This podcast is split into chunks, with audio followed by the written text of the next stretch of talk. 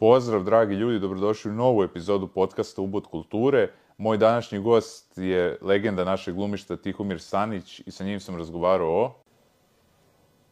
I to je to. Ja sam znao da od tog dana više neću nikad da pijem. Mislio sam da neću da pijem 18 godina, da steknem punoletstvo. O, ta, tako sam tad govorio. Evo, kao, po 18 godina, pa da jednom steknem, po, pošto sam počeo jako mlad da pijem, da jednom steknem punoletstvo kao trezen, pa ću onda da vidim šta ću. Tako sam tvrdio. Onda kad je prošlo tih 18 godina, mislim, Bože moj, ne, ono, šta će mi to u životu? Ono, šta, kome to treba?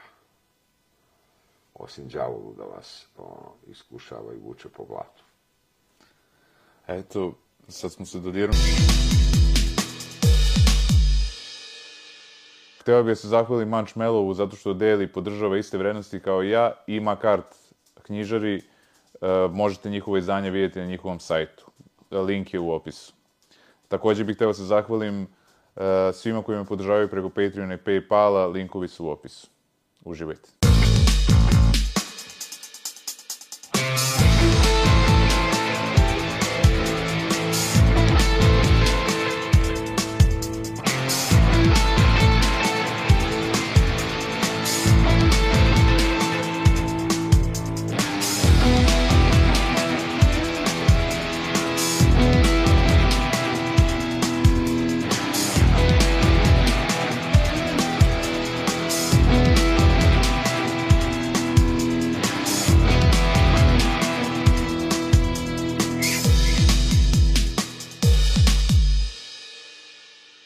Tiku, dobrodošli, mnogo vam hvala što ste došli.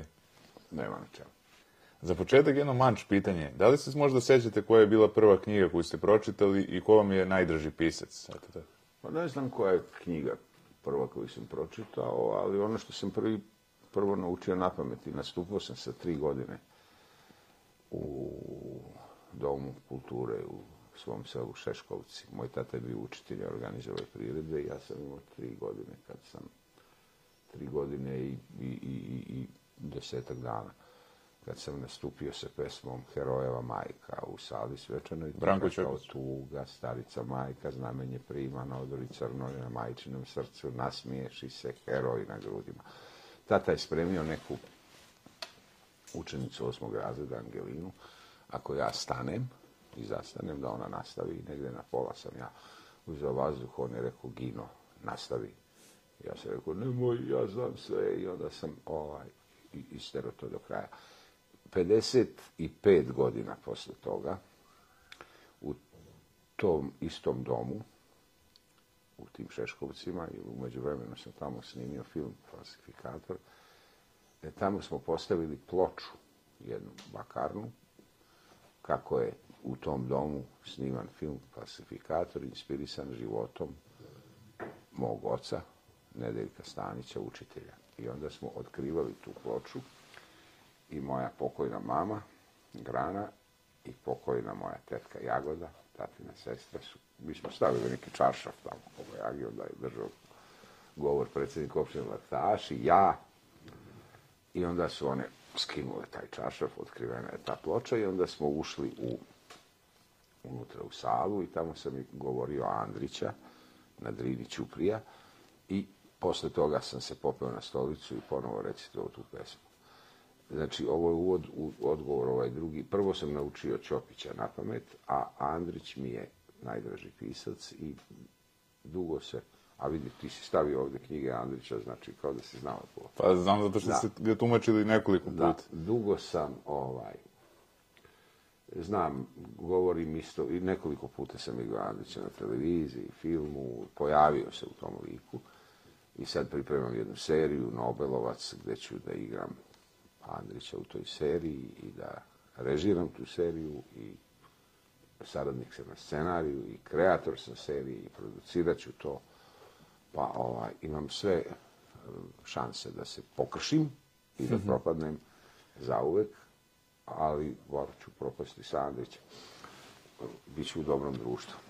A kod vas je vrlo interesantno to što ja nisam vidio, makar kod drugih glumaca, da, da su toliko puta tumačili različite pisce. Vi ste glumili Borislava Pekića, i Jesam. Steriju, i Stevana Sremca i ja ne znam da li još neki... Crnjanskog sam igrao. U filmu Raj sam igrao Crnjanskog 92. godine i pre 6-7 godina sam u pozorištu Madlenjanum Crnjanski. e, Tu je. igrao Crnjanskog, sam igrao u režiji Ivane Vujić, predstava se zvala Miloš Crnjanski, Miloš Tačka Crnjanski ili tako nešto. I igrao sam, igrao sam mnogo pisaca. Nismo mi sve napravili. I ne, ne bi se sad ni mogao... sve- Iz Maja ste isto igrali. I Jovana Jovanovića, da, Jovana Da. seriju poslije. Igrao sam, ovdje imam čak tekst, sam sad poneo, sad odštampao sam. Igrao sam Savu Mrkalja. Savo Mrkalj je napravio azbuku, ovu koju mi znamo, Vukovu, nešto je tu samo Vuk popravio. I u seriji Vuk Karadžić, 84. godine je to emitovano, ja mislim, a snimano je ranije ili kako to beše. Ja sam kao student glume ili mladi glumac u Novom Sadu dobio ulogu Save Mrkalja i nisam uopšte znao ko je Sava Mrkalj. I onda mi je e, Đorđe Kadijević, reditelj te serije, na snimanju ispričao ko je Sava Mrkalj i rekao je da će ta sad serija ispraviti nepravdu koja je njemu nanešena, Mrkalju, i da će serija pratiti paralelno Mrkaljevu sudbinu, on je morao da se odrekne svog nauka, tukli su ga mokrom čarapom, zatvorili ga u ludnicu, Stratimirović, ovaj mitropolit ili ko već, da odbrane ovaj crkveno-slovenski jezik ili od ovog govedarskog, koji mi sad govorimo i pišemo.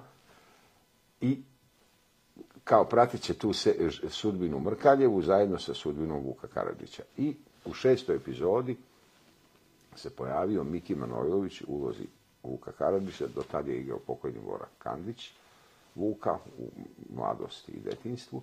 I ja sam se pojavio kao u sceni kad smo došli nešto kod Vuka u parno kupatilo, on je taman nešto, noga mu je ova, stradala. I imamo scenu, ima u toj seriji valjda scena, nisam ja to posle gledao. Mislim, dugo nisam gledao, tad sam gledao.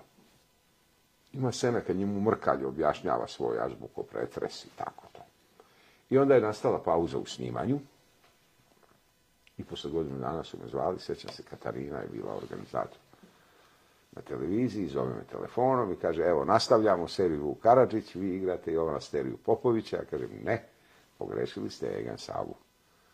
Mrkalja, ne, ne, kaže, vi ste, evo, meni piše Jovan Sterija Popović. Ja kažem, proverite vi to, možda je to Tihomir Arsić koji igra Jovana Steriju Popovića. Ja sam Mrkalja. Ona kaže, ne, Tihomir Arsić igra Branka Radičevića. Kaže, on je Branko, a vi ste Sterija. Ja kažem, nemoguće. Ja sam Savo Mrkalj. Ona kaže, kako ste rekli? Ja kažem, Savo Mrkalj. Ona kaže, Savo, Savo, Savo, Savo, Savo, Savo, Savo, nema. Mrkalj, Mrkalj, Mrkalj, Mrkalj, Mrkalj, Mrkalj, nema. Kaže, nema te uloge. Tako da je Mrkalj iz serije isto tako nestao, kao što je nestao, kao što nije upamćen u istoriji. Ja sam se u negde 8., 9., 10. ili tako u 3-4 epizodi pojavio u ulozi Jovana Sterije Popovića. Kao Mrkalj sam imao brkove na gore, a kao Sterija na dole. Ovaj, Ta serija tako je izuzetno cenjena. tako je to bilo smatraju za najveću. 84. godine. I evo ja sad, pošto to nisam zaboravio, sam sa prijateljima iz kult, Srpskog kulturnog društva prosvjeta iz Zagreba, sa Sinišom Tatalovićem pre svega, koji je potpredsjednik tog društva, dogovorio i sad smo napravili, naručili smo ovaj tekst Gordana Marković, Ilić je, ona je u Beču profesor, ona je napisala tekst o Mrkalju, igraće ga ovaj, igraće ga Dejan Stojković, glumac, i mi ćemo napraviti, vjerovatno će na, na letu biti premijera e, te predstave, da malo podsjetimo ljude ono, na tog Savu Mrkalja. Igrao sam stvarno mnogo pisaca, valjda zato što sam pametan. Ili izgleda kao pisac. Ili je to sve inercija. Pa dobro, ima, Ima taj mnogo odmen stavi. inercije i u našem poslu.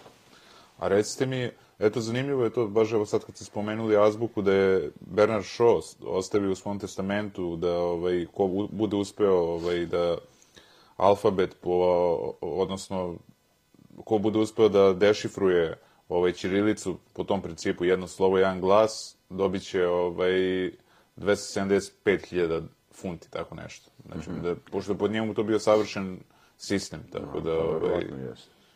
ali on je, dobro, Bernard Shaw isto je specifičan lik, jer on je, valjda, jedini uz Bob, Boba Dylana koji je dobio Nobelovu nagradu i Oscara, pošto je on za Pygmalion dobio Oscara za scenariju, a ovaj, Nobelovu za književnost, naravno. A šta je Dylan dobio Oscara za šta? E, on je, Dylan je dobio Oscara, ja sad ne mogu se setim zašto je on dobio. On je igrao u onom filmu Billy Kid je bio dripac, možda je bio Ne, mislim da je za muziku dobio. za muziku. Da, da, da. A recite mi što se tiče, ajde da kažemo, stranih pisaca. Koga ste najviše ovako čitali? Koga preferirate? To, to davno je bilo kad sam ja čitao uopšte. Ja više, bojim se da skoro ništa ne čitam. Čitam. Čitam, ali sam, recimo, imali smo tu ovo, to kao svi, u raznim periodima fascinacije raznim stranim piscima.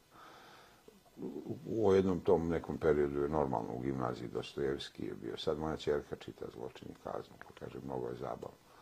Se sećam kako sam čitao Dostojevskog to u gimnaziji, pa još jednog onda deseta godina kasnije i potpuno sam čitao iz druge vizure. Mnogo sam voleo Bulgakova. Taj roman Majstor i Margarita je bio kultni roman ovaj, 30 ne godina. samo moje generacije, o, i čak smo onda pokušavali, predstavu smo jednu radili u Novom Sadu, pa ta predstava nije izašla, ali nema veze, bavili smo se nekako time na razne načine i moji prijatelji i ja. Onda je, onda je Marquez bio isto tako fascinantan pisac i to kad smo isto otkrili, onda smo to, znali smo svi na pamet, ono, bar onu prvu rečenicu e, mnogo godina kasnije pred stolom za stre, strojem za streljanje pukovnika Reule Jano Bojne Dija setio se onog jutra kad ga je otac prvi put odveo da vidi led. Jednom sam ja putovao nekim autobusom, vidio davno, bio sam klinac, neku devojku kako nešto čita, vidim Markes i onda stanem i kao krenem kao ne može da veruje da neko, kao znam na pamet to što čita, znao sam samo tu prvu rečenicu. E, kao što znam jedino e, iz Mosta, Most na žepi Andrićev je savršena pripovetka, ali remek delo, to zna, kažu svi ovi književni kritičari. I sad recimo ta prva rečenica koja kaže četvrte godine svoga vezirovanja, posrnu veliki vezir Jusuf i kao žrtva neke opasne intrige pade iznenada u nemilost. Mislim, to vas odmah, već u prvoj rečenici imate toliko već podataka i da je velike veze, i da je posrnuo, i da je neka opasna intriga. Mislim, svega.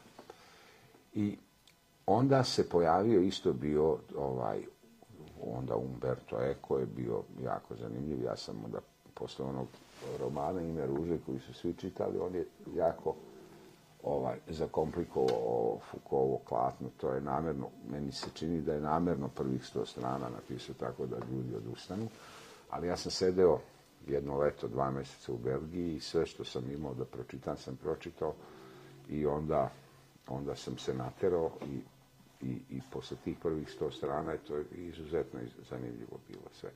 Ali ima jedan pisac koga ja mnogo volim, ali baš ga mnogo volim, ali mnogo. Italo Calvino se zove. Ako jedne zimske noći jedan putnik, to je to njegovo delo, već ima tu godina, koje je fascinantno. I onda sam ovaj, posle isto neke njegove pripovetke e, sam obožavao i čitao po nekoliko puta. O, to je taj neki magični realizam. U suštini najviše mi se, evo, Andrićeva da realista jedan, tako, običan realista. A ovi skoro svi ovi koji sam Drugi, da. nabrojao, negde možda pripadaju tom magičnom realizmu. Evo, A kako on se čini film Ime ruže? Pa ne sjećam se. Ono, kao, okej, ono. Mislim, teško je od... Ali valjda je u redu. Ali nije, taj film me nije fascinirao kao, recimo, ta knjiga koju smo Da, da. onako pročitali na, ono, na, kao šta će biti, šta će biti. Već smo znali šta će biti, pa, ovaj, pa smo tražili film Umane. Verovatno, oni koji nisu čitali romana, vidjeli film, su sigurno imali neku drugačiju impresiju nego mi koji smo roman Pa da. bili već pročitali. Ali eto, zanimljivo, imao sam razgovor, to jest bila je to tema u tom podcastu, to je bio jedan od prvih podcasta sa Milošom, Milošem Tomašem, ovaj, piscem, pa smo pričali o filmovima koji su nadvisili knjige, ono, čak i tih primjera ima, kaže, nije baš da su sve knjige bolje od svih filmova, tako da, ovaj, mada je redkost u principu, tako da... Pa dobro, da, to je drugo delo, čak autonomno. U Da, da. suštini. Ja sam imao, kad sam imao neki sukob sa Kecmanovićem, Vladimirom oko e, filma Top je bio Reo koji sam ja producirao, njemu se tu nešto nije bilo svidjelo. Pa smo, mu- onda sam mu rekao, opet sam mu nedavno rekao i uvek kažem, pa niko ti knjigu nije dirao, knjiga će ostati takva kakva jest. Tvoj roman je o to, a film je nešto drugo. Film je inspirisan tom knjigom ili ne može se knjiga pretočiti u film. Film mora da ima svoju autonomnu vrednost i, i kvalitet ako ga dosegne. Pa znam da su neki pisci poprilično ljutili, ono, sa ekranizacijom njihovih dela, ono, ovaj, ali... i- Pa što se ljudi, evo Andrić nije dao, Da, da. Ni Markus. Ali nemaju razloga da se ljute, zato što delo im je ostalo, niko im nije švrljao po knjizi, niko ne dođe sad ovdje i, i, i, i sepa iz njihove knjige ili im nešto dopiše. Ovaj. Ja ne znam koliko je istina za Andrića kada je primao Nobelovu nagradu, da li to je stvarno tačno da je on poneo kao ovaj, na Drini Ćuprija i da je u stop kao, ne, izvinjam se, Marš na Drinu ovaj, i da je uz tu pesmu kao ovaj, primio Nobelovu nagradu. Da li je to tačno ili da je to neka ono... Mi imamo taj sad period ovaj, u seriji, E, ali mi ćemo puštati onu, kad ja pođoh na Bembašu, na Bembašu, navodno. I mislim, to će biti neki light motiv cele serije. Kao da je to bitno. Da. Zato što su rekli da su posle toga, meni je zanimljiva priča iza toga, jer posle su Marš na Drinu ovaj, prepevali ne znam, Shadows i to se proširilo celom Evropom i baš sam gledao, ima mnogo verzija pesme, ovaj, interesantno je to, to, taj podatak. Da, Tako a kažu da su isto tamo onda na toj nekom, nekom prijemu isto puštali Beatlese, ovi iz kraljevske porodice, pa se sviđu. Ovaj, uz to. A eto, sad ste spomenuli muziku. Šta slušate od muzike ovako, u slobodno vreme? Nemam slobodno vreme. Ali stvarno nemam. Ja nemam vreme slobodno.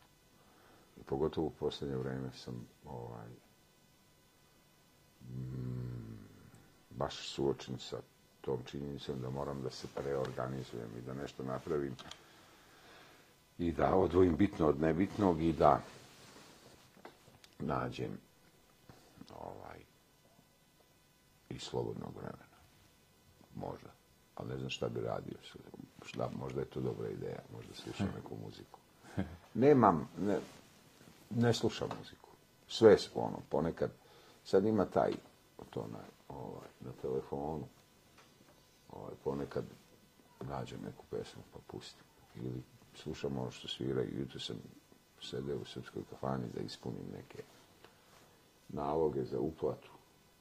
Ovaj, pa slušam tamo ono što oni tamo puštaju. Jutro si bilo srce je moje, violina, što ga diraš kad ne znaš da sviraš. Tako. Lepava. Ovaj, ima, da, Lepa Lukić, ona je, ja nju sam upoznao. I sećam se, moj tata je bio, on je obožavao Lepo Lukić kad se pojavi na televiziji. Kaže, Lepa Lukić. I tako, imao sam sreću da je upoznam i imamo njoj eh, jako visoko mišljenje, nekako mi se dopada. Iz iz nekih raznih priča koje sam čuo o njoj i od njenih koleginica i kolega, ima nekih raznih anegdota. I u svemu gde god sam je video, mi se dopadala. Srećom nisam gledao, čuo sam da je ušla, u- bila u neki reality, to nisam, ja nikad nisam gledao ni jedan reality, ni jednog sekunda, tako da e, sam siguran, e, tako da nisam video e, tamo kako, je, kako se prezentovala, ali u svemu, po svemu što znamo Lepo Lukić, to je baš onako jedna divna žena koja, koju se divim i srećan sam što sam je upoznao na jednom specifičnom mjestu.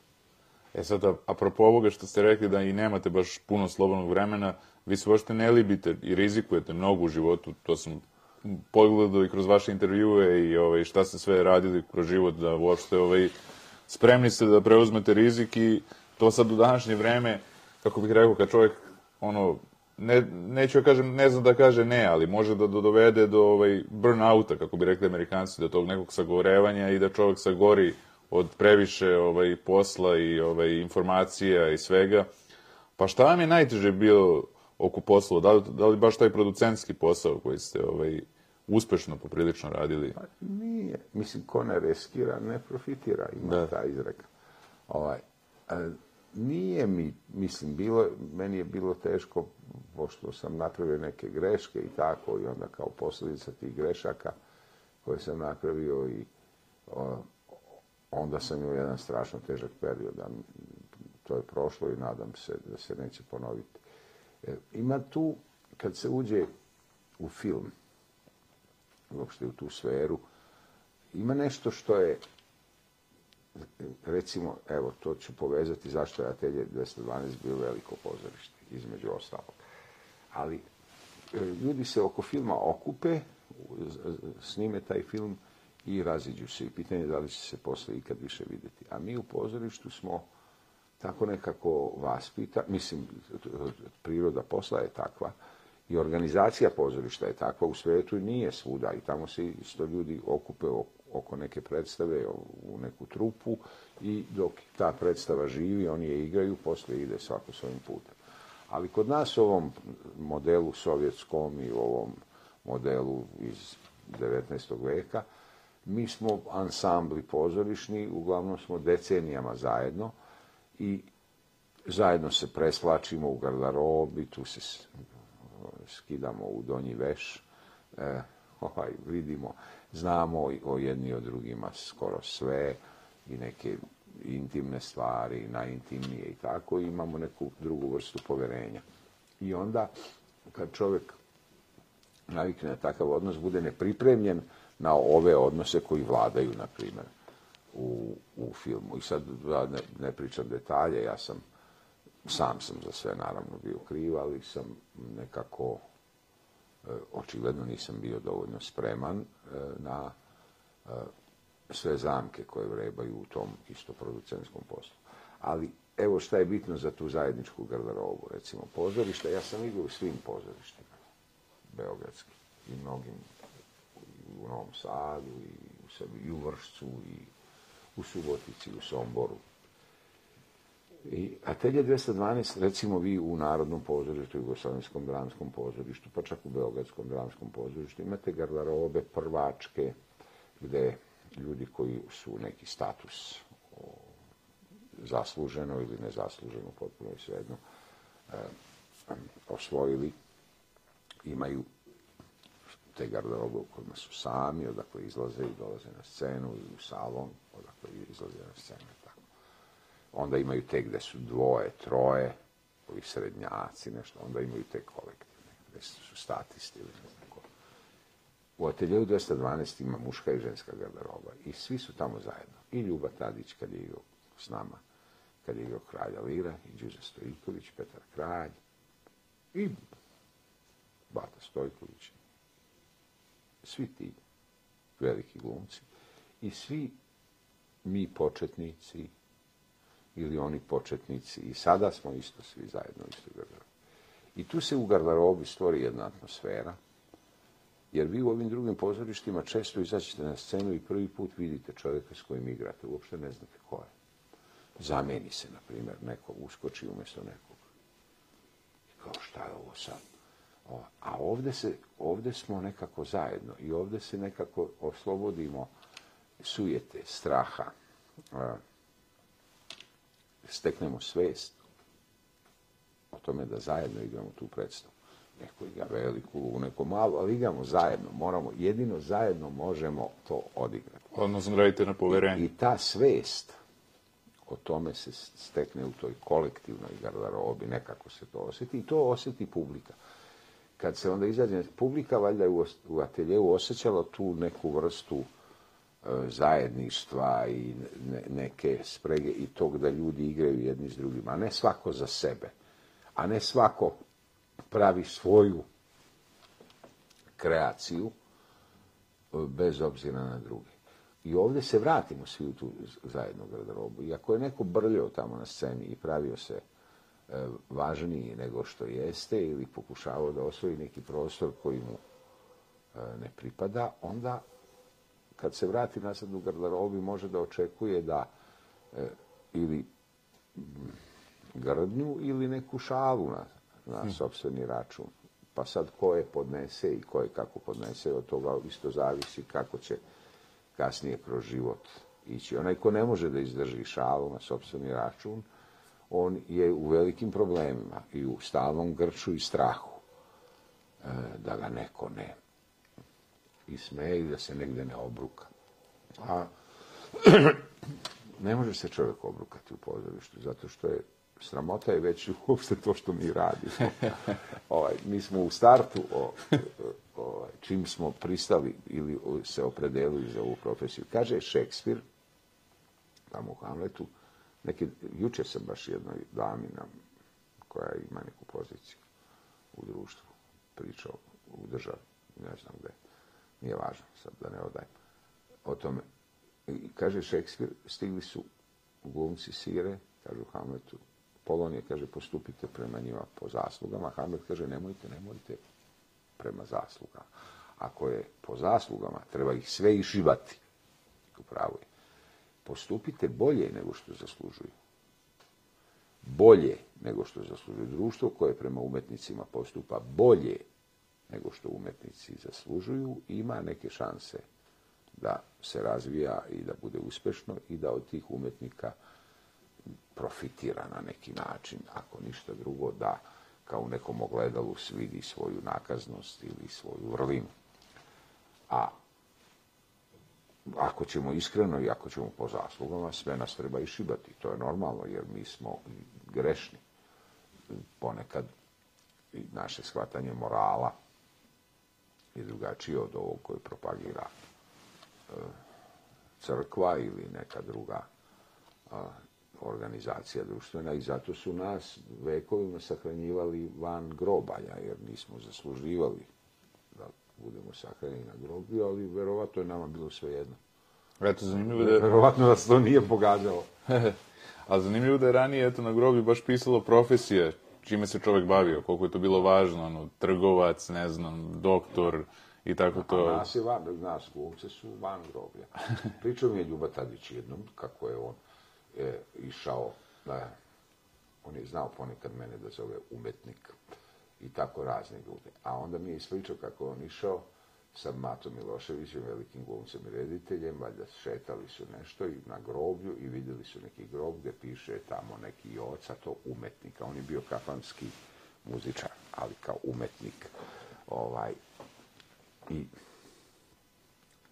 tako no, umemo mi na to da se našalimo na, na to kad e, sebe proglašavamo umetnicima. Kažu da su glumci reproduktivci, mi nismo kao autori, mi ne kreiramo, ali ima jedna nepravda ogromna, pogotovo u pozorištu, u statusu, u odnosu na honorare, u odnosu na značaj koji sebi uzimaju ovim drugim profesijama recimo, pisci su jako podcenjeni. Jako podcenjeni. Reditelji su se izborili za neki veliki status koji im sigurno ne pripada. I mi glumci se borimo iz dana u dan za, za svoj prostor. Ali ja sad predajem u, u na Akademiju umjetnosti. Eto, sad se zatvara krug, pošto je vaš otac bio isto... Da, da, malo tako zbog njega, neću dugo. Ovaj, i, ima još nekih razloga zašto sam to prihvatio, ali eh, onda govorim deci, ima Ronald Harwood, veliki dramski pisac, i poznavao s pozorišta, on je pisao istoriju onu pozorišta koja je sad literatura obavezna za, na ovim fakultetima. On, ja sam to bio tu, čuo sam, kad je izjavio, da reditelj služi da provjeri da li glumci znaju tekst i da se ne sudaraju međusobno i sa nameštajem. To je funkcija reditelja. Naši reditelji imaju, daju sebi e, ogroman značaj, ali najčešće samo oni sami sebi. Ja sam bio na premijeri Grada Robera u Jugoslavijskom dramskom pozorištu. Igali su Petar Kralje i Garda Robera, a ovog sera Igor Ljuba Tadić. I pošto sam u pauzi brzo šmugnuo iz sale za šank, tad sam mnogo pio i onda kao da iskoristim pauzu da stresem par pića, dva, tri, da izdržimo ovaj drugi deo. Tamo sam brzo utrčao bočno, i onda sam bio svedok te scene.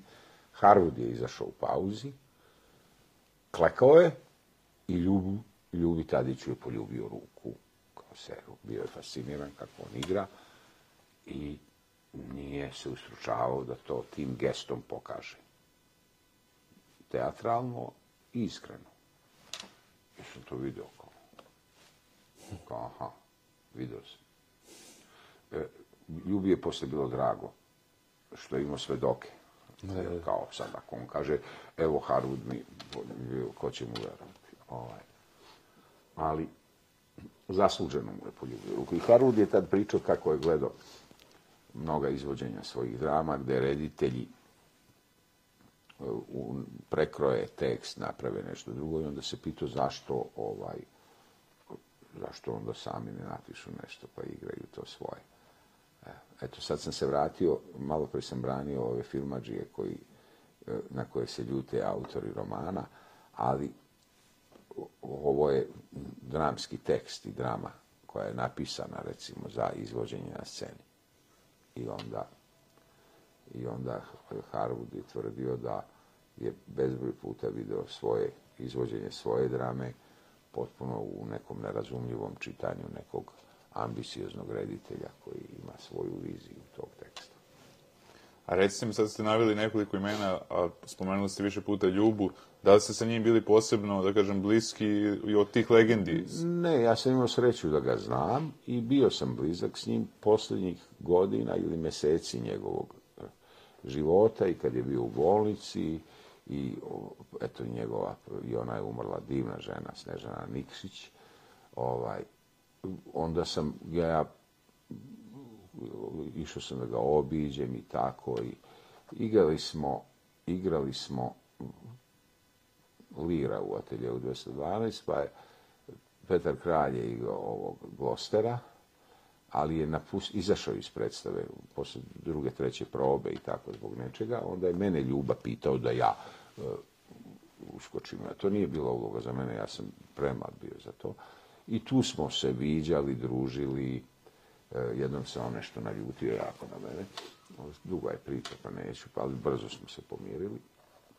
I onda se desilo, sticajem okolnosti, da ja sam ga, Branko Cvejić, opet pokoj, i ja, smo ga uneli u kuću. On je ispred ulaznih vrata. Ja sam ga vidio tri dana ranije, bio je u bolnici i rekao mi je moraš da se čuvaš i eto vidiš ja sam kad sam snimao Sibirsku ledi Magbet, ja sam skočio u hladnu vodu, a sad imam zato vodu u plućima i zbog toga ću sad da sam nastradao i tako sve. A bili su mu ocekli prste na nogama, evo, šećera. I dolazio je da igra predstavu sa onom kanilom u rukama i bez prsta. Mislim, ono, neverovatno sve. I, ovaj, i onda me, onda sam ga tu video posljednji put, on me ispratio do lifta, kaže, da ideš liftom, to je tamo prva hiruška. Ja kažem, pa ne, čovječe, idem peške, ja imam sve prste na nogama, kažem, nisu meni odsekli kao tebe. Ne, ne, moraš da se čuvaš i tako. I onda dok je držao ta vrata od lifta, e, mi je rekao, ali moram nešto da ti kažem. A svašta mi je pre toga i pričao ono, o raznim ljudima, razne neke mm, pikanterije. Kaže, nema ljudi u pozorištu. Ja kažem, kako bre, Ljubo, šta je tebi, vidi tebe, vidi mene, vidi Petra Kralja, vidi ovog, vidi... E, da ti kažem, kaže, nema ljudi u pozorištu. nema, nema. Bio je nešto razočaran. I to je posljednje što mi je rekao i zatvorio vrata lifta. Imao sam ja periode kad, kad sam isto u to poverao. I onda je on bio sa Slavom Đukićem, negde na, u Maderi i došao je kući i pred vratima kućnim je pao. Nazad. I tu, tu je bio mrtav i dugo je ležao na stepeništu jer je morao da dođe u uviđaj. Tako je, nije se znalo to, ovo kao. I onda smo ga, posle mnogo sati, uneli u kuću. Eh, Branko, Cvejić i ja. Ali mogu reći, pošto sam i sa Snežanom bio prijatelj, mogu reći da smo bili bliski. On je on, jedan dao jedan intervju, jedan od posljednjih, da je na neki način mi dao neki veliki kompliment. Nešto su I rekao je za mene da ću ja da uradim nešto ozbiljno. Onda sam ja kao, ja kažem, šta je tebi, šta znači će da uradi? Ja sam valjda već uradio. Ovaj, I jednom sam davno, davno sam ušao, to je bilo pre toga, pre nego što smo se s I Isto ušao sam u bife atelja 212 i rekao, ja sam najveći srpski glumac 21. veka.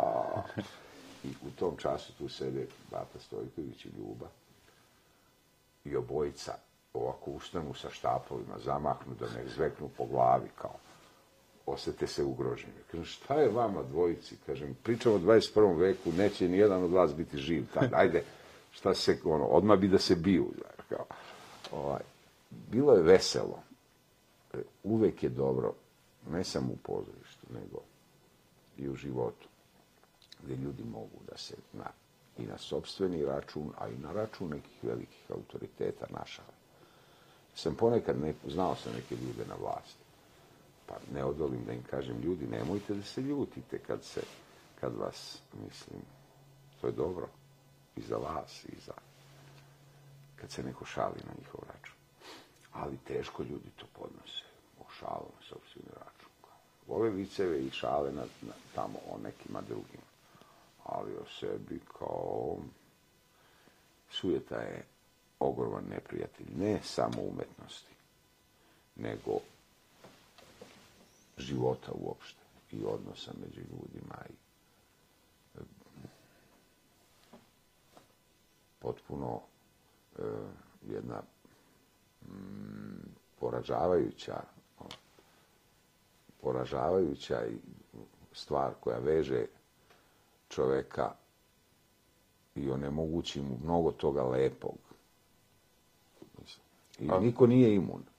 Niko nije imun neko uspeva, neko shvati pa pokušava da, da, da je potisne. I, I svaki put kad, mislim, to mi svi znamo, svaki put kad uspemo da sujetu, gordost i tako to potisnemo i da, da, ovaj, da se pomirimo s činjenicom da smo jednaki ljudi sa puno mana, grešaka. Recimo, šta sam isto govorio deci na časovima šta je, recimo, šta je najveći neprijatelj u našoj profesiji? Strah od greške. Strah od greške. Kao da mi nemamo pravo da grešimo. Pa možemo, imamo pravo da grešimo. Mi smo grešni ljudi. I, I greška se i uči. I, I strah od greške to dovodi, kad se čovjek oslobodi straha, straha od greške, onda skoro ni ne greši više. Ne. Jer e, jer, jer ga taj strah inače teran u grešku. Pa dobro, da, i Duško Trifunović ima čujnu pesmu, grešio sam. Mnogo, a sad mi je žao što nisam još više i što nisam luđe, jer samo gresi kada budem pao, bit će posve moji, a sve drugo tuđe. Grešio sam, svesno vežbao da stradam, leteo sam iznad vaše mere stroge, živeo sam grešno, živio sam grešno. Kažu, i još ću, ja se nadam, svojim divnim grehom da usrećim mnoge. Eto, znam na to. Divni Duško, svaka čast. Znam, desilo mi se neki pre par mjeseci, samo mi se ovako sjetim se pesme Maka Dizdara. Pitao jednom jednog vrli pitac neki, kto je ta, gde je ta, odakle je ta Bosna, rekti. A zapitan, odgovor njemu tad hitan dade. Bosna da prostiš, jedna zemlja i made i hladna i gladna da prostiš, posna i bosa, i k tomu još da prostiš prkosna od sna.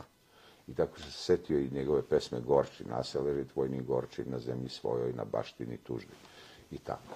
Negde se to pohrani. Ja se plašim da će jednog dana izgubiti kontrolu i da će početi da izlaze te, te, ti tekstovi, te pesme bez ikakvog povoda i veze.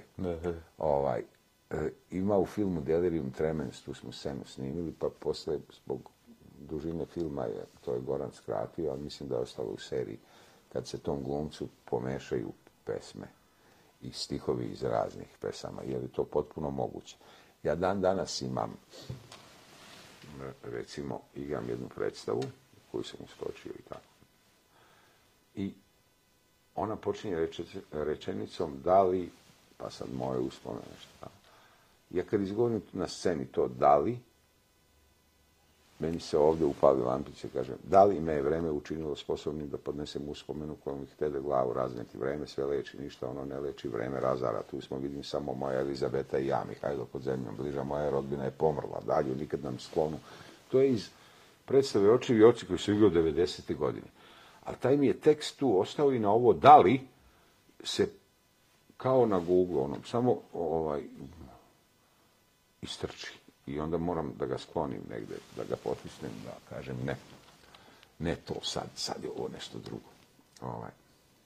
Vi imate odličnu memoriju, da li ste to vežbali ili ste tako rođeni jednostavno se...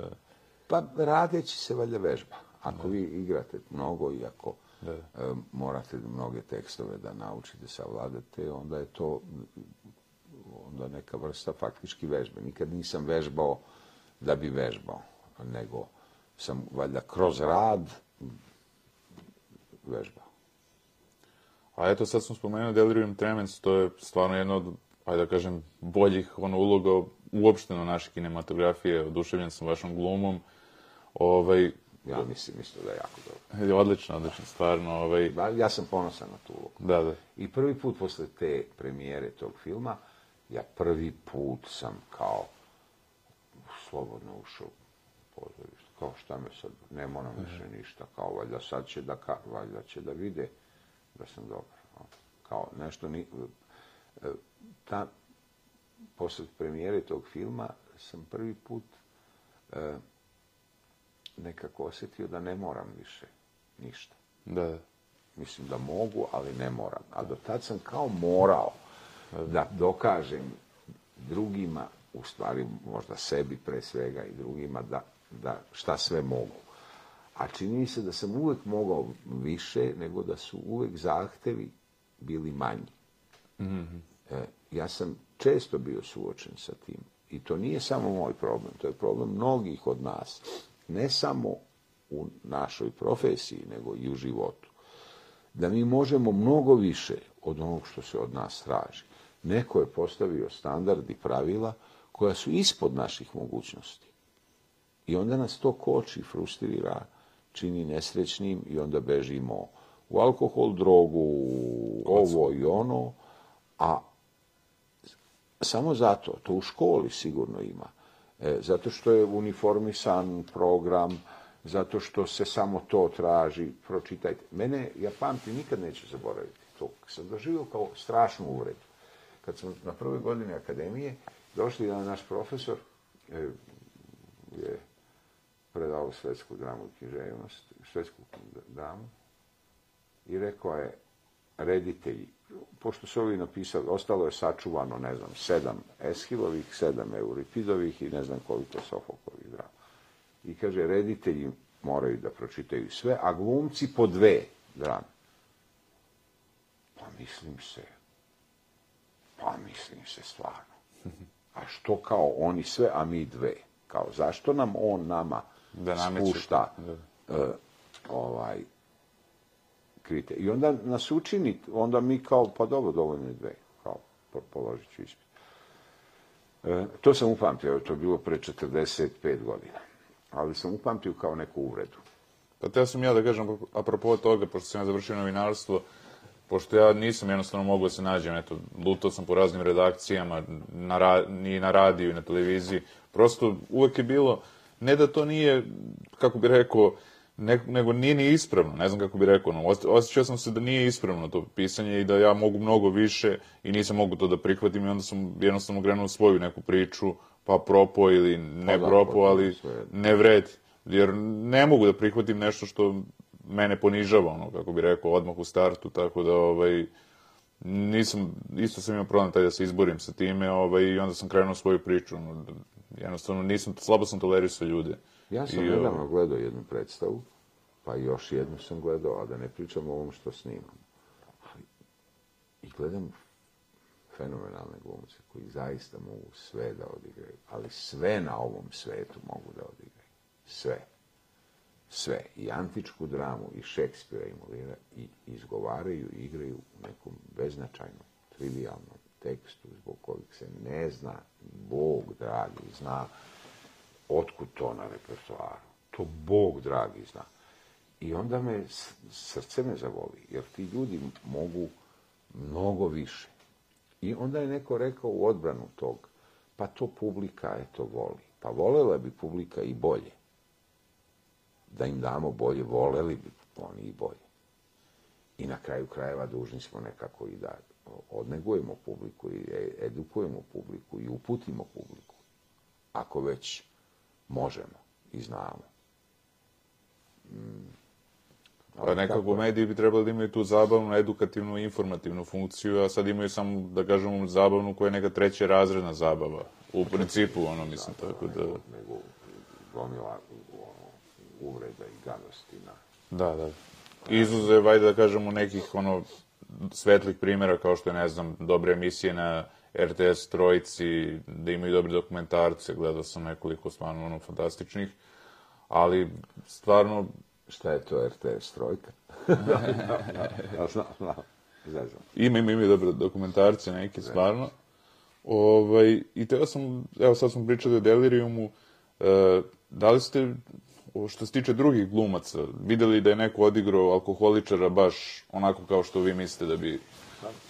Ma sigurno. Ja nisam vidio ovaj sad, ovaj film, ovaj što igra, ovaj što je dobio i Oscara, ovaj, to nisam, o, ovo što, što je pijan kroz ceo film, kako se zove ovaj glumac, ma, e, ma to je sad... A, Mikkelsen, da, Mats da, Mikkelsen. Da, da, nisam stigao da vidim. Da, da. Ali dobro. Sigurno, ma sigurno se odigra. Pa Nicolas Cage napuštajući Las Vegas. Mi bar, ma i kod naši glumci, mi smo ovaj, talentovana nacija i mi imamo... Poseban tretman. Jako dobre, pa da, ma da, ma ima Poseban bezbroj, tretman. Pera, kraj, pa, Da, da, da. ma mislim bezbroj glumaca su odigrali. Meni je recimo jako snažan film eh, Dani vina i ruže, gde se Jack Lemmon glumi i ovaj, e sad komu suprugu glumi, ne znam. Ne mogu da Tu je izuzetno odigrao alkoholičar. Ne mogu da se setim. Ma da, ma joj, to su stotine puta i stotine.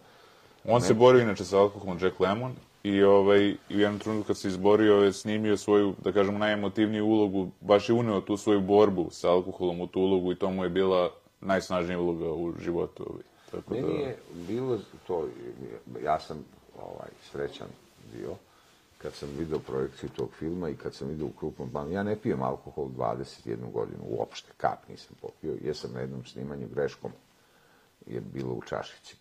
Pa sam ovo, e, znači, 21 godinu sam trezan potpuno, ne pijem alkohol i ne pijem sedative, ne pijem ništa kao zamenu za alkohol.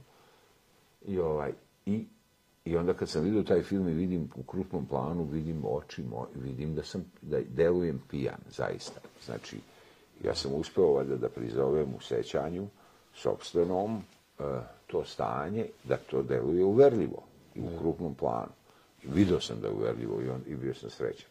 Jer inače sam se, ono, kao mislim da li ću uspeti, neću i tako dalje, ali mislim da, da ovo, sigurno sam uspeo, ali dok to je iza nas. Gotovo je to. Da, da. Ja evo, sad se, se, ja nisam taj film video od onda. da, da. Niti ga gledam sad kako sam ja nešto odigao, niti gledam ove druge filmove u kojima sam igrao. E, bio sam, pre dve, tri godine sam se reprizirao kraj dinastije Obrenović, pa sam ostao malo da gledam i kao, u, dobro sam ovo odigrao sa nekom nostalgijom i sećanjem. Zato što onog časa, ali tako je to i u životu, onog časa kad prošlost ili kad ono što smo radili postane dominantno u našim životima, gotovo je. Da. Gotovo je. Znači društvo, znači svi ovi ljudi koji se bave politikom ili odlučuju o nečemu ili, ili su izabrani da, da ovaj vode društvo u dobro, a stalno se vraćaju ko je, kome, koga, s kim, stalno se vraćaju u prošlosti, stalno iz prošlosti crpe e, svoju negativnu energiju i mržnju prema svima oko sebe, to je katastrofa. To je gotovo. To je gotovo. Pa i Meša je rekao, kaže, treba svakim novim danom ubijati prošlost, da se ne bi mešalo ono što Ali je... kako ono, pa život je nešto što nas čeka.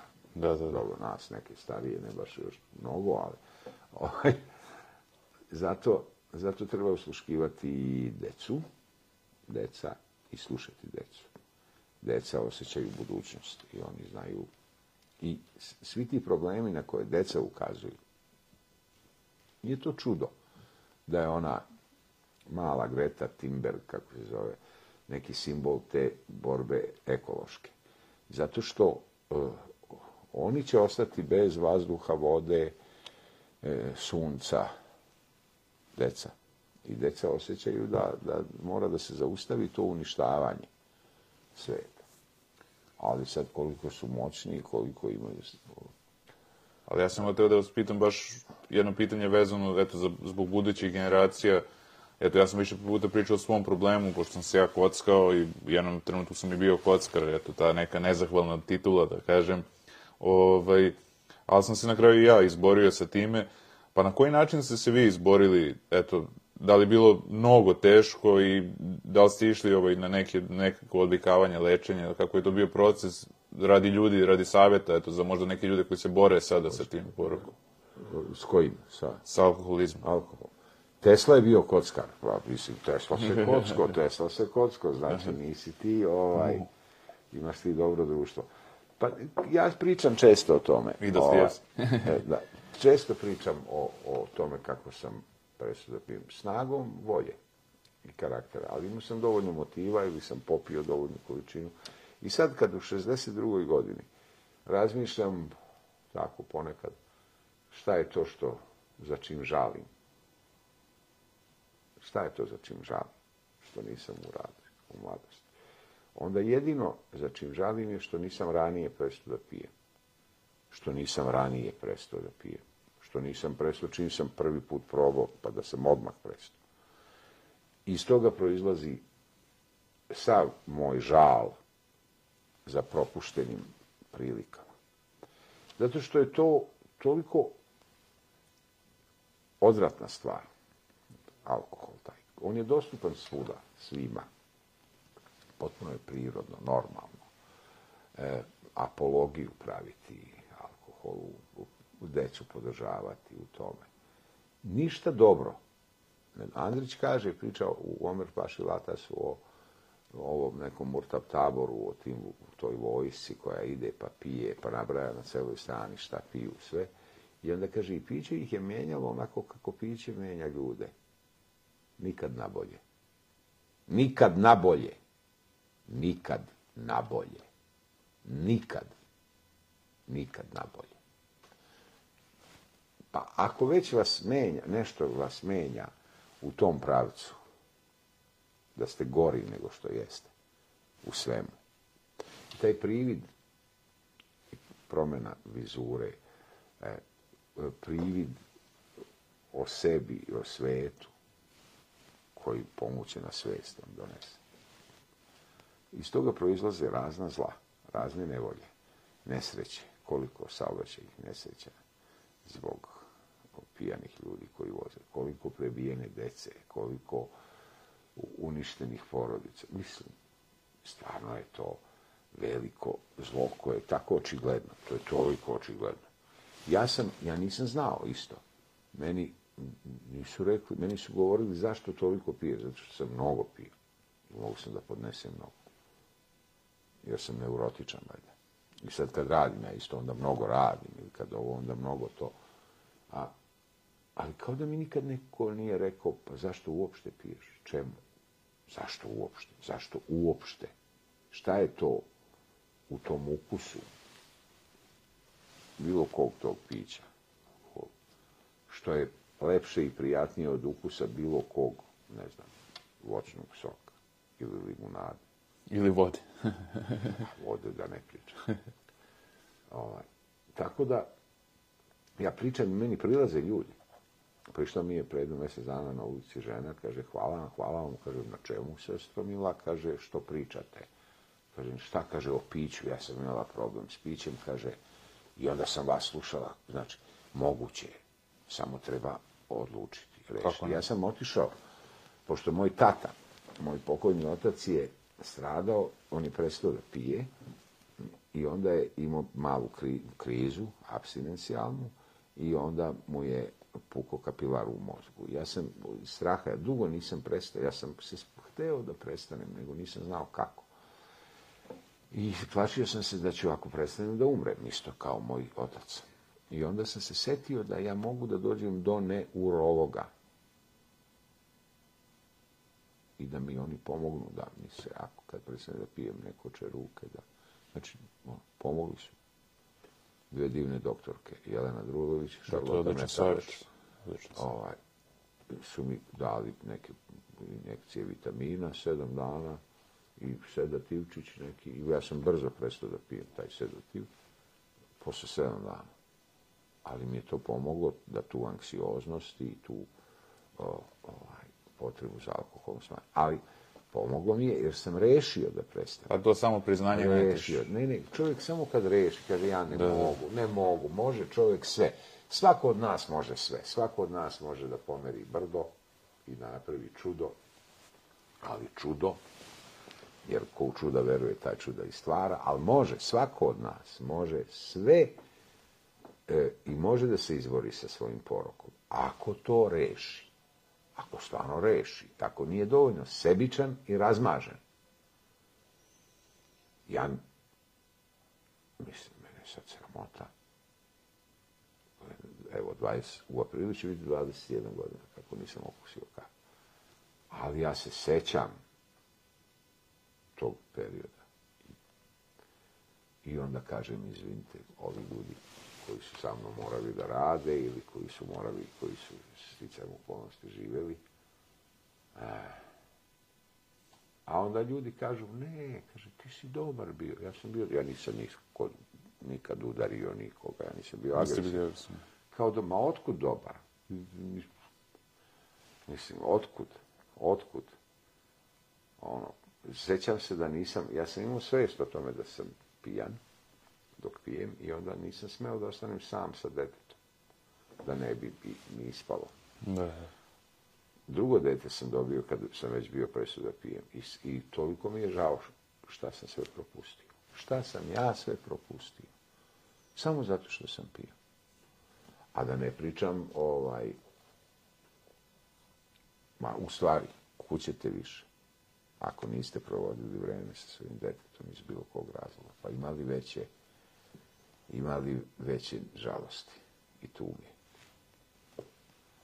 Znači, može se, e, dragi gledaoci, može se, život bez alkohola je neuporedivo lepši od života s Ja nekako računam kao da imam 21 godinu, sad tek 20, 21, imam potpuno neki novi život nije tu na prvi pogled se ništa, ja sedim i dalje na istim mestima, družim se s istim ljudima. Tu na prvi pogled nema neke velike promene, a suštinska je promena.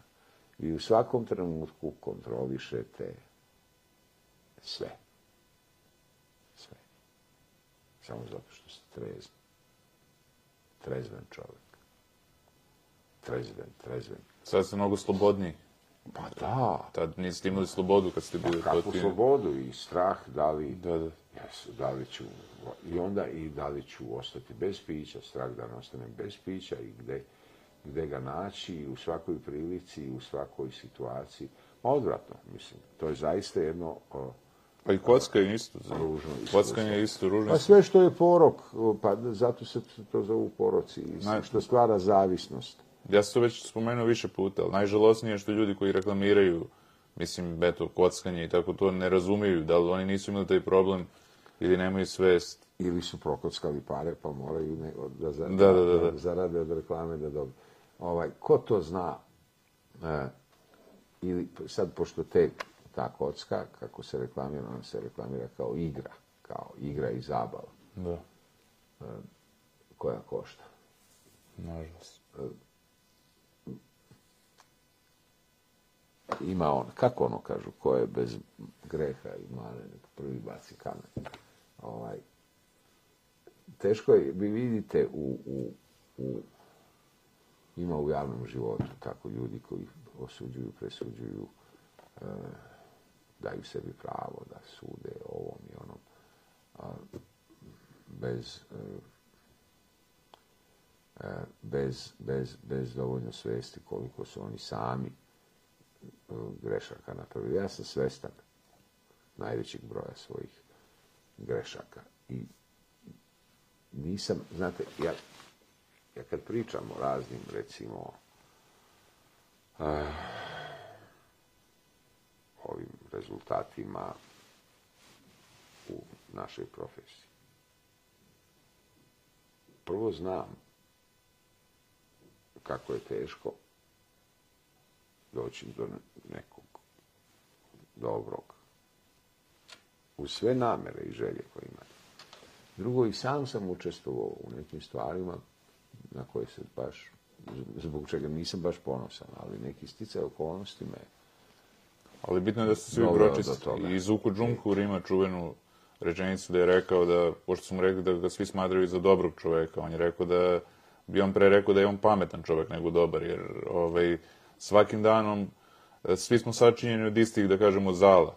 E sad, koliko ćemo mi da pročišćavamo te zale, ljubomoru, sujetu, e, poroke, mislim, to sve zavisi od nas, ono, tako da, ovaj, moramo, on je rekao, samo stroga kontrola, to je ono što čoveka čini da razlikuje nekako dobro od zla. Da. Ja ne mislim za sebe da sam dobar čovjek. E,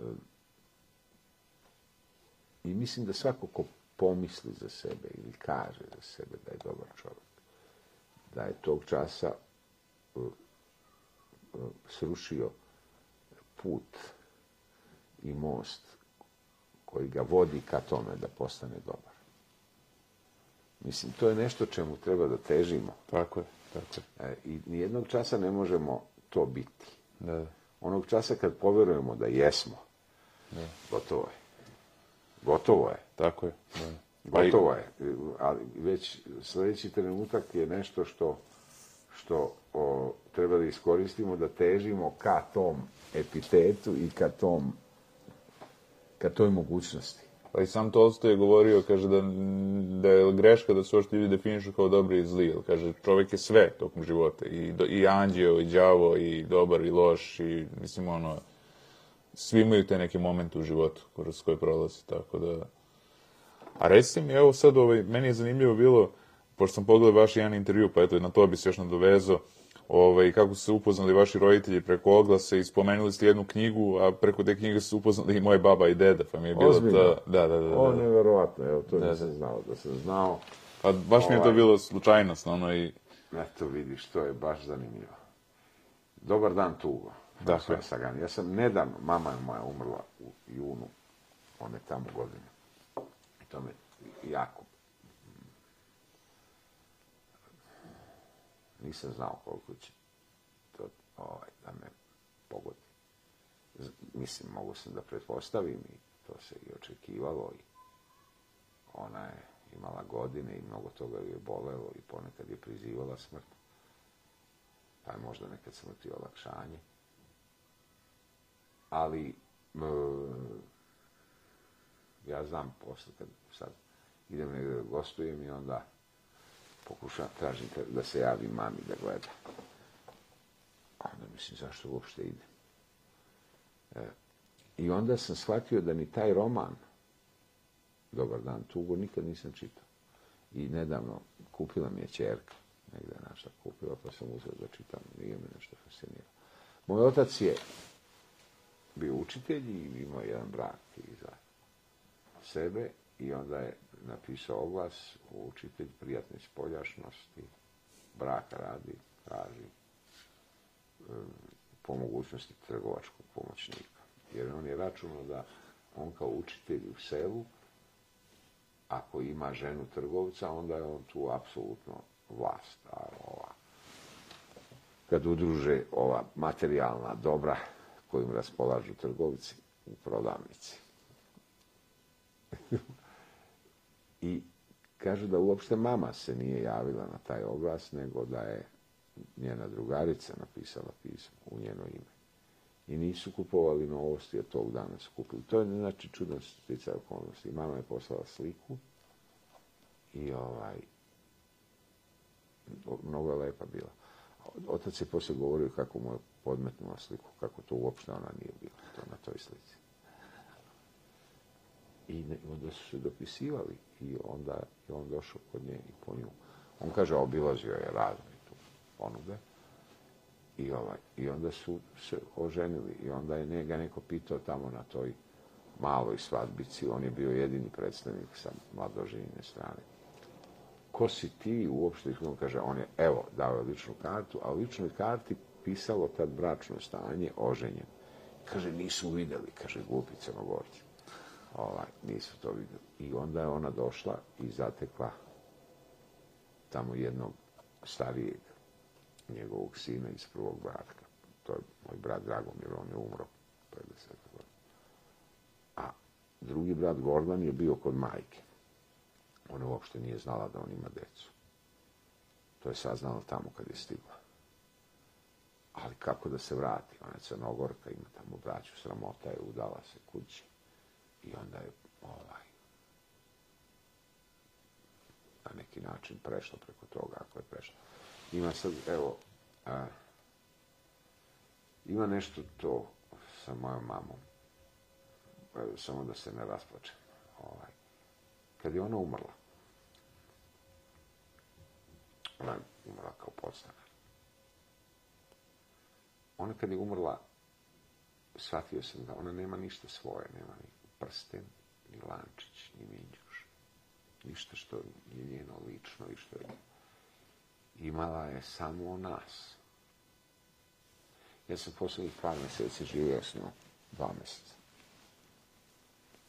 Ona je svaku noć pred spavanje slušala eh, na YouTube-u kako ja pevam u kamionđijama moj život. Kaže, mama, nemoj da slu, evo ja ću ti pevati u život, slušaj. Jedna moja prijateljica kaže, pa to je ubilo. Kaže, to baš, to što je to sluša. Mene kako peva. ovaj, i čudan je to i nije ona sama i specifična u tome. To je, to je taj, to žene na Balkanu ili možda u drugim isto sredinama, ali ove poznajemo, jel, ove druge i ne poznajemo tako dobro. I ta spremnost da se za decu žrtvuju, da za decu žive, da nemaju van toga ništa. I da ih se ne tiče ništa osim njihove dece, unučića. Mislim da je ono, e, sreo sam par puta i to u kraju gdje je živjela, ona je sad u Beogradu, od kad je došla u Beograd, živjela je na više adresa i svuda je sticala prijatelje. I tu je jedna od komšinica njenih, ona radi na nekom kiosku, pre mjesec, dva dana sam je video, ona se rasplakala i kaže, rekla je kako je bila tako za moju mamu, da je bila dobra i tiha. I još je nešto rekla, to se sad ne mogu sad da se setim, neku čudnu reč koja je baš karakteriše mamu. Grana se zvala moja mama. Eto, za nekog ko je okončao život, posle toga možemo slobodno definisati i reći. Ja sad sam možda i suviše subjektivan, jer to moja mama. Ali tu možemo definisati onda čovjeka. Jer više on ne dela, ne deluje, osim spiritualno. Ja verujem da ljudi ne umiru za, stvarno, da to samo telo umre, a da duh nekako ostane. E ona je bila e, dobra. Moja mama je bila e, jako dobar čovjek. I recimo, te njene osobine koje je imala, to je meni pomoglo. Čovjek se projektuje. Mi svi imamo neku, isto tako, neku zabunu ili zabludu, to nam učine škola, društvo, prijatelji i kažu ti si ovakav, ti si ovakav. E, kaže, baš ličiš, kaže, jao, ti si isti taj. I ti ili sam poveruješ. I onda tako, mnogi glumci tako imitiraju neke glumce, a ne, ne traže, a umjesto da igraju to š, iz, iz svog bića, kakvog, iz tog kakvi su oni, u toj ulozi, nekoj drugoj. Ili onda u nekoj različitoj ulozi. I ja sam, na primjer, verovao da ličim na oca i ovu očevu stranu porodice ili ne znam, na ujaka ovoga ili na onoga ili ne znam. I jednog dana, da li je moja žena mi rekla ili neko, kao vidi kako si debeo, isti si mama. Ona je u nekim periodima života bila malo i punačka, ne previše. Ja isto sam se sad ugojim. Ja pomislim, možda ja ličim na mamu. Ona je bila strašan čvrst karakter. Jak karakter. Ona kad nešto kaže, to je nesalomivo. Ili I jednom davno sam ja bio u nekom žiriju u, u Nišu, godine i dali smo u sredu smo odlučili o nagradama, a saopštit ćemo u subotu. I čujemo se telefonom, nije bilo mobilnih tada. I kažem, evo, odlučili smo ko dobija nagradu. Kaže, pa ko je dobio, sine? Ja kažem, mama, ne mogu da ti kažem. To tek u subotu ćemo da saopštimo. Ona kaže, pa ja sam ovde u selu. To ona je živjela među Dubice i Kostajnice sama. U stvari bio je brat tamo. Još uvek u tom domu.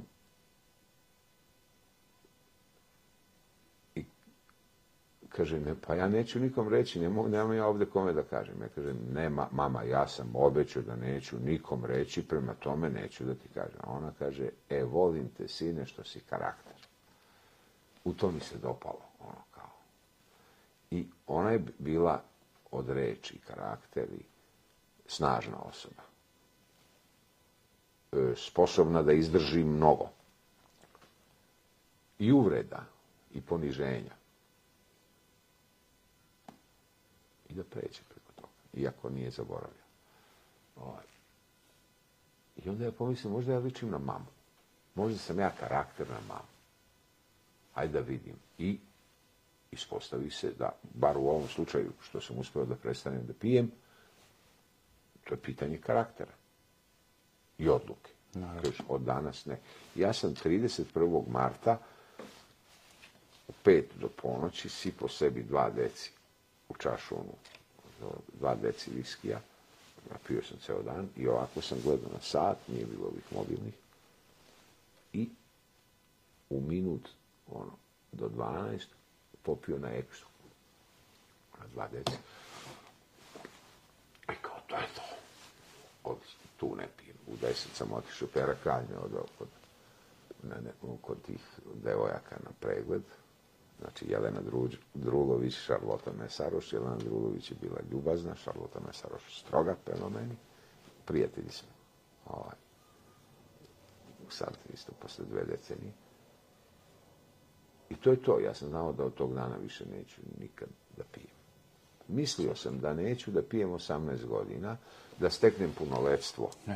O, tad, tako sam tad govorio. Evo, kao, po 18 godina, pa da jednom steknem, po, pošto sam počeo jako mlad da pijem, da jednom steknem punoletstvo kao trezen, pa ću onda da vidim šta ću. Tako sam tvrdio.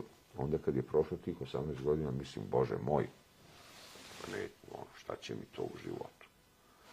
Ono, šta, kome to treba? Osim đavolu da vas ono, iskušava i vuče po blatu. Eto, sad smo se dodirali te teme, a kažemo, ovaj, vi ste prošli u životu, rekli ste da ste karakterna majko, a i od, nije vas ponuklo ni to što su vam se dešavale, da kažemo, neke ono, da kažemo, i najteže stvari u životu, izgubili ste dva brata. Ma da, ma svega je bilo. Da li vas je u tim trenucima bilo ono kao sad ću, ovaj... Nikad nisam pomislio. Nikad nisam poželao. Da, da, da. Nikad nisam poželao. Negde prve, druge godine, kad sam prestao da pijem, prve godine, jedan moj prijatelj, reditelj, divan čovjek, je dobio, je imao saobraćajnu nesreću. Ja sam bio u jednom pozorištu gdje sam nešto video, on je išao s jedne probe na drugu i naleteo je na kamion. Kamion je u stvari naleteo na njega, se zakrenuo kamion na putu razne i nismo znali da li je živ. Ja sam tad pomislio kako bi bilo dobro da sam pijan, da, jer nisam znao kako da se suočim s tom činjenicom, kao, ali ne da popijem, nego da. Tad sam pomislio sam, tad. I nikad više. Ali nisam poželio da popijem, nego sam pomislio, jo, lakše mi valjda bilo da sam, da, ne znam gde sam. Da sam obeznanje. Da se suočim s tom činjenicom. Ali to je isto greška bila. Mm. Tad sam samo pomislio. Nikada. A to je čudno. I meni je čudno. Ja ponekad pitam, e, kao, je, kao, jel ovo vama nije čudno da ja uopšte, ne samo da ne pijem, nego da nikad nisam poželeo. Nikad nisam poželeo. Jednom sam isto sedeo, isto tako, u samom početku te abstinencije. U nekom restoranu i vidio kako tamo sam gledao kako neki ljudi probaju vino, pa konobar donosi onu kiblu, pa stavlja ovako na sto, pa u led i to je sve delo onako nešto otmeno. Neki restoran u I onda sam ja pomislio, Bože, možda ću ja jednog dana moći tako da probam. I posle nikad mislim, a zašto da probam? Zato što to kao ima taj ritual koga se to tiče. Htio bi isto da se, da eto sad smo otišli od, da kažemo, od te teme, a to je ovaj, dosta ima, da kažem, e, nepravedno zapostavljenih vaših filmova. Recimo, Neprijatelj je mnogo dobar film i to je neko spomenuo u prethodnim podcastima, sad više ne znam ko, pošto je mnogo snimljeno podcasta. Taj film baš su spomenuli da je jedan od boljih filmova, ovaj, takođe falsifik, falsifikator se zove film, tako. Da, to je po uzoru na vašeg oca. To je bio vreo, nikad nije prikazan nigde. Da. E, gurnut je u... Ali pre tri godine u Češkoj je distribuiran i prijatelji tamo distributeri iz Češke su rekli da ima najbolje ocene, bolje od svih balkanskih filmova. Znate kako? Dođe sve na svoje mjesto. Sad je neki dan neprijatelj bio na televiziji, videlo ga milion ljudi.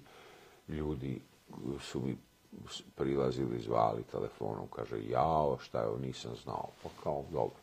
Pa vidjet će. Mislim, ono, kao što mnoge stvari koje su e, dignute do neba, za koje se daju nagrade ili priznanja ili koji i ljudi se ovaj e, diče time, će biti možda jako brzo zaboravljene i nikad i potpuno valorizovane drugačije i potpuno će imati svoje drugo, drugačije mesto.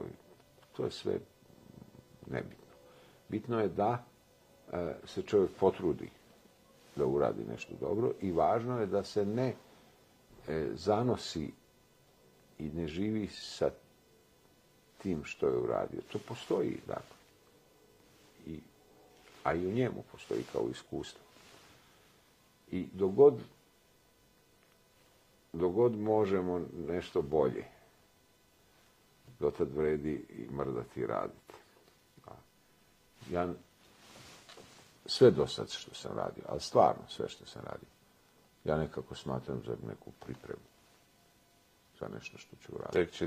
A ovo što sad hvale, nešto što sam radio, to mi kao isto smatram kao neku, aha, neku olakšicu u razumevanju onog što ću uraditi. Pa se sve nadam, ljudi će reći, pa Znači, ako je on ovo uradio, pa nije ovo sad greška, ovo je valjda namjera. Ja sam dobio za nešto što sam igrao, evo, to ima na YouTube. Ja sam od prijatelja dobio velike komplimente za nešto što sam igrao 81. godine. Sad, pre pet godina. Pa kažem, što niste tad vidjeli, pa mi ponudili neku Nisam ja, mislim, to je... Ali tako i u drugim raznim stvarima. I to je mene sad naučilo... Pa to kaže i Arsen Dedić, počeo se na kraju primi. Valjda, ako se i primi. Da. Ako je, to je sve tako... Da, da.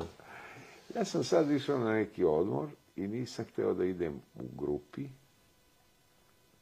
ali nije ovo za priču. Dobro, ne ne, nije za priču, nije Da. za priču, nije Dobro. za priču.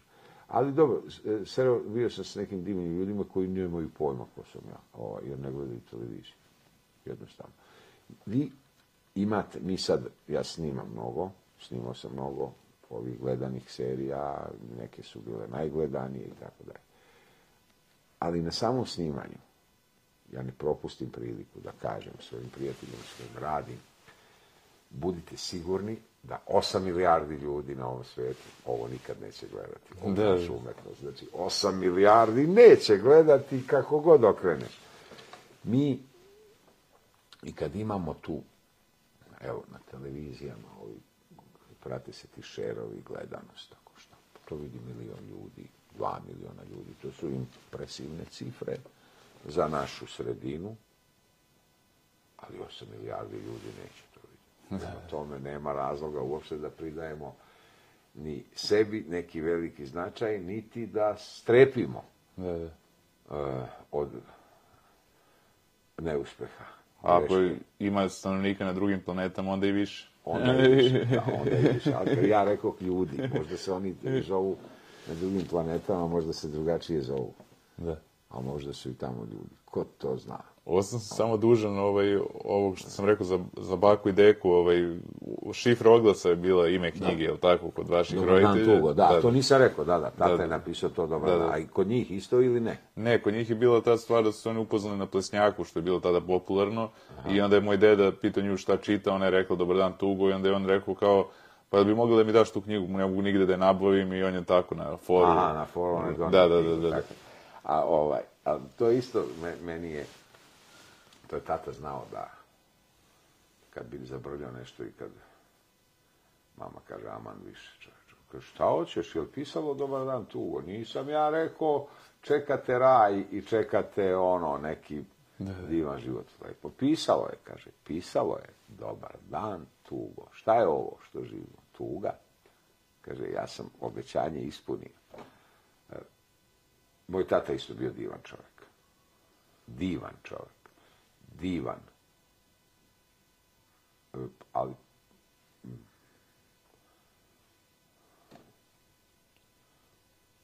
možda su više tanan i plemenit za sredinu i vreme u kome živa. To ja tako mislim. Pišu ljudi neki koji su ga znali, koji mi je bio učitelj i tako se jave sad posle tog filma. A možda je to samo naša percepcija nas koji smo ga volali. E, U svakom slučaju, ja se nadam da, da evo čim pričamo o njima, znači tu su negdje oni oko nas, baka i deka tvoji i, i ovi moji, valjda su sa nama. Da. I čine nas. On- Da, da. Mi smo, oni nas čine Da, da. u suštini. To je ono što je lepo. Ne samo u tom nekom genetskom, u tom nekom e, ovo, kako su, nas rodili ili napravili, nego čine nas i duhovno. Mi smo svesno, podsvesno imitirali, postajali takvi. Ali to je zanimljivo isto, samo da se nadovežem celu priču, pošto mi je baka još uvek živa i ima skoro 90 godina. I, o, da, i ovaj, baš je stric, moj stric sa njen sin, ovaj, poklonio tu knjigu ne znajući još za tu priču. Ona nikad nije njemu ispričala tu priču. Slučajno je našao, kaže, ovo je nešto iz svog vremena. Kao, I onda je ona klinula glavom, kaže, nemamo pojma o Nema čemu se pojma zapravo radi. se radi, Da, da. da, da. Tako da, eto, to je isto neka simbolika. Hvala vam mnogo ovaj, na ovom Ja razgovoru, se divno. raspričah. Baš mi je prijelo i Ja baš volim ste da pričam. Ono. Strašno je kad ljudi kažu, e, to si već, znam, pričao si mi to. Ima mene, ovaj, ponekad neki moji prijatelji prozivaju pa kaže, ti samo o sebi pričaš. Pa, valjda, to znam najbolje. Pa dobro, ovdje ste pričali o roditeljima, o prijateljima, o kolegama. Svi pričamo o sebi. Da. kad pričamo o nekom drugom, izborom teme i načinom na koji percipiramo tog drugog čovjeka, isto pričamo o sebi. To je neizbežno. I ne treba se toga stiditi. Ok, Hvala mnogo. ćao. Gledamo se dalje.